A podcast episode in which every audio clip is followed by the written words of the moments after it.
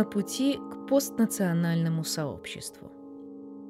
Революционные события 2020 года в Беларуси, как мне кажется, поколебали этот консенсус. Они вывели на передний план женщин, связали героизм с жертвенностью и травмой, противопоставили горизонтальное сотрудничество элитизму, то есть представлению о том, что просвещенные политические элиты должны вести за собой необразованные народные массы.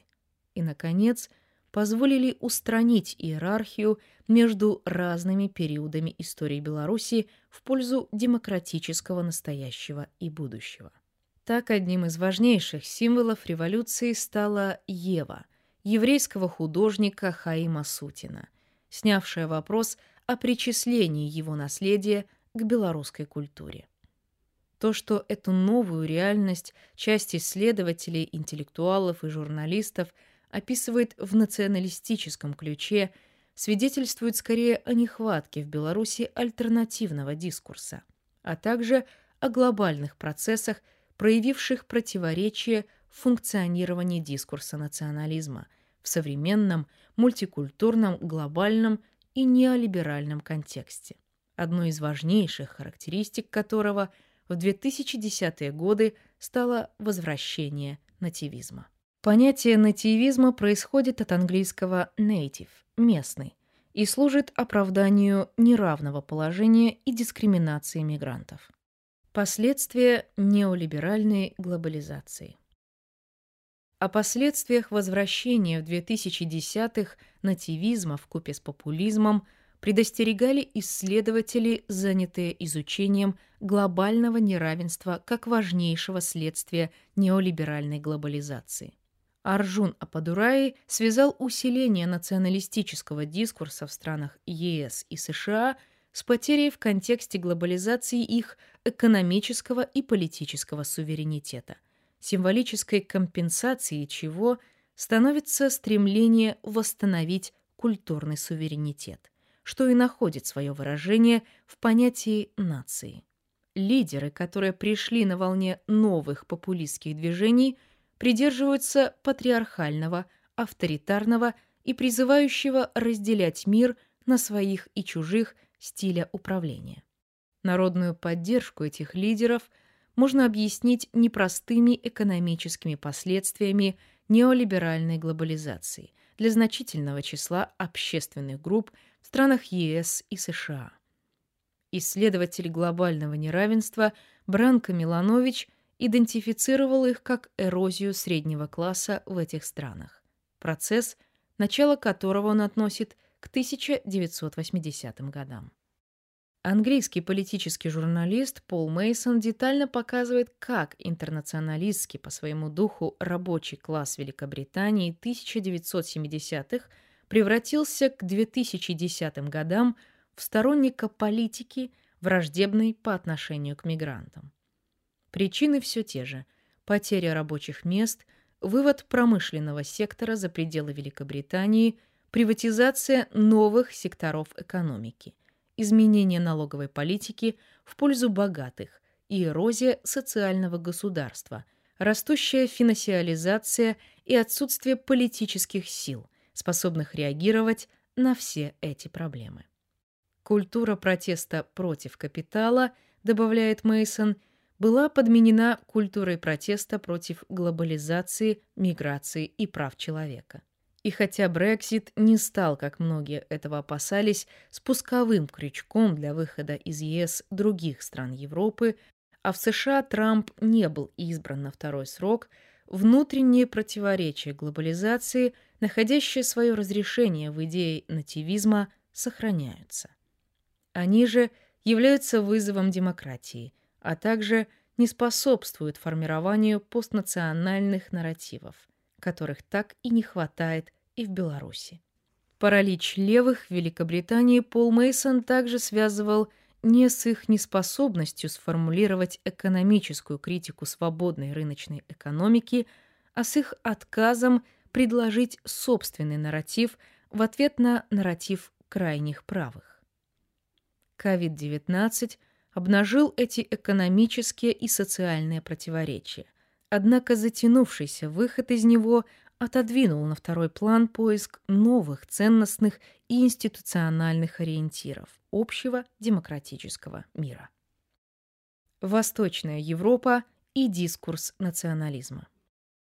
Интерпретация и функционирование национализма и национальной идентичности в Центральной и Восточной Европе отягощены к тому же специфическим историческим контекстом формирования новых независимых государств в этом регионе.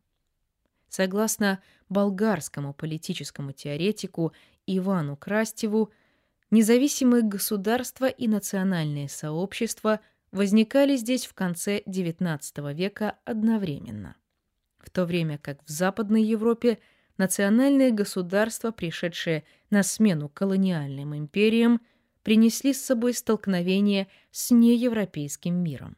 В Центральной Европе новые государства возникли в результате дезинтеграции европейских континентальных империй – германской, австро-венгерской и российской.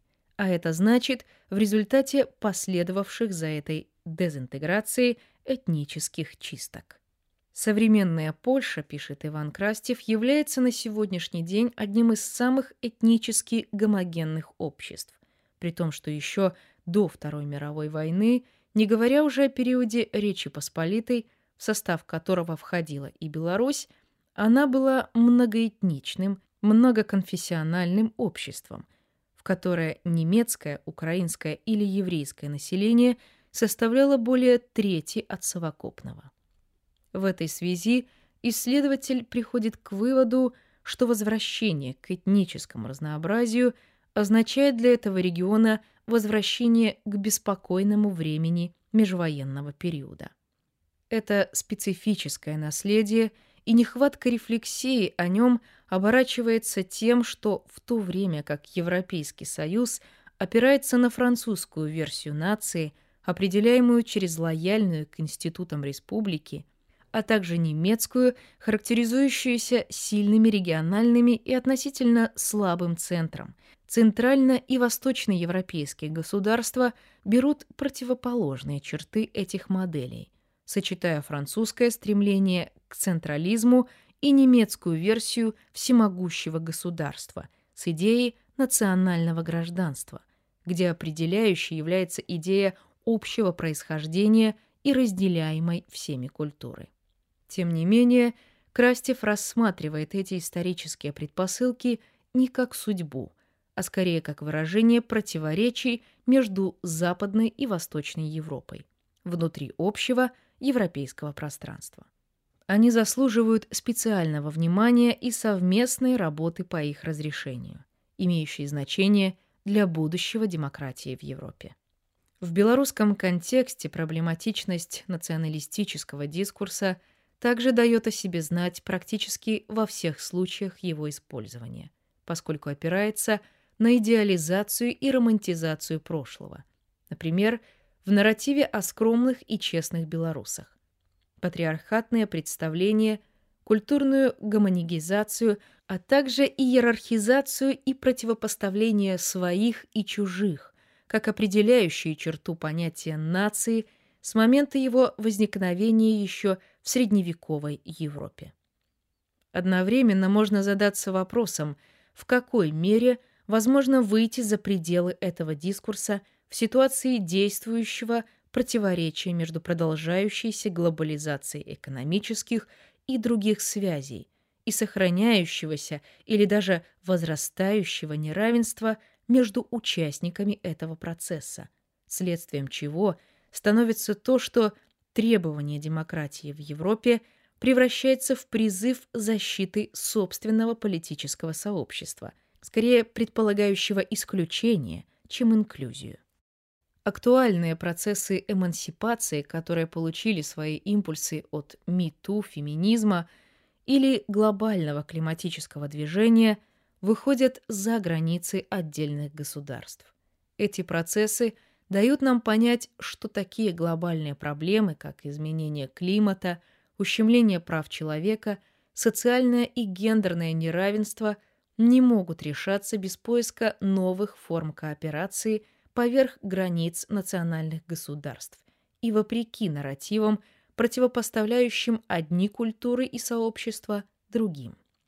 О том, что мы испытываем сегодня нехватку таких форм, свидетельствуют преступления против человечности, которые продолжаются в Беларуси. Эти преступления указывают на задачи поиска и формулирования новых понятий для осмысления процессов как горизонтальной общественной эмансипации, так и солидаризации поверх границ национальных государств и национальных сообществ.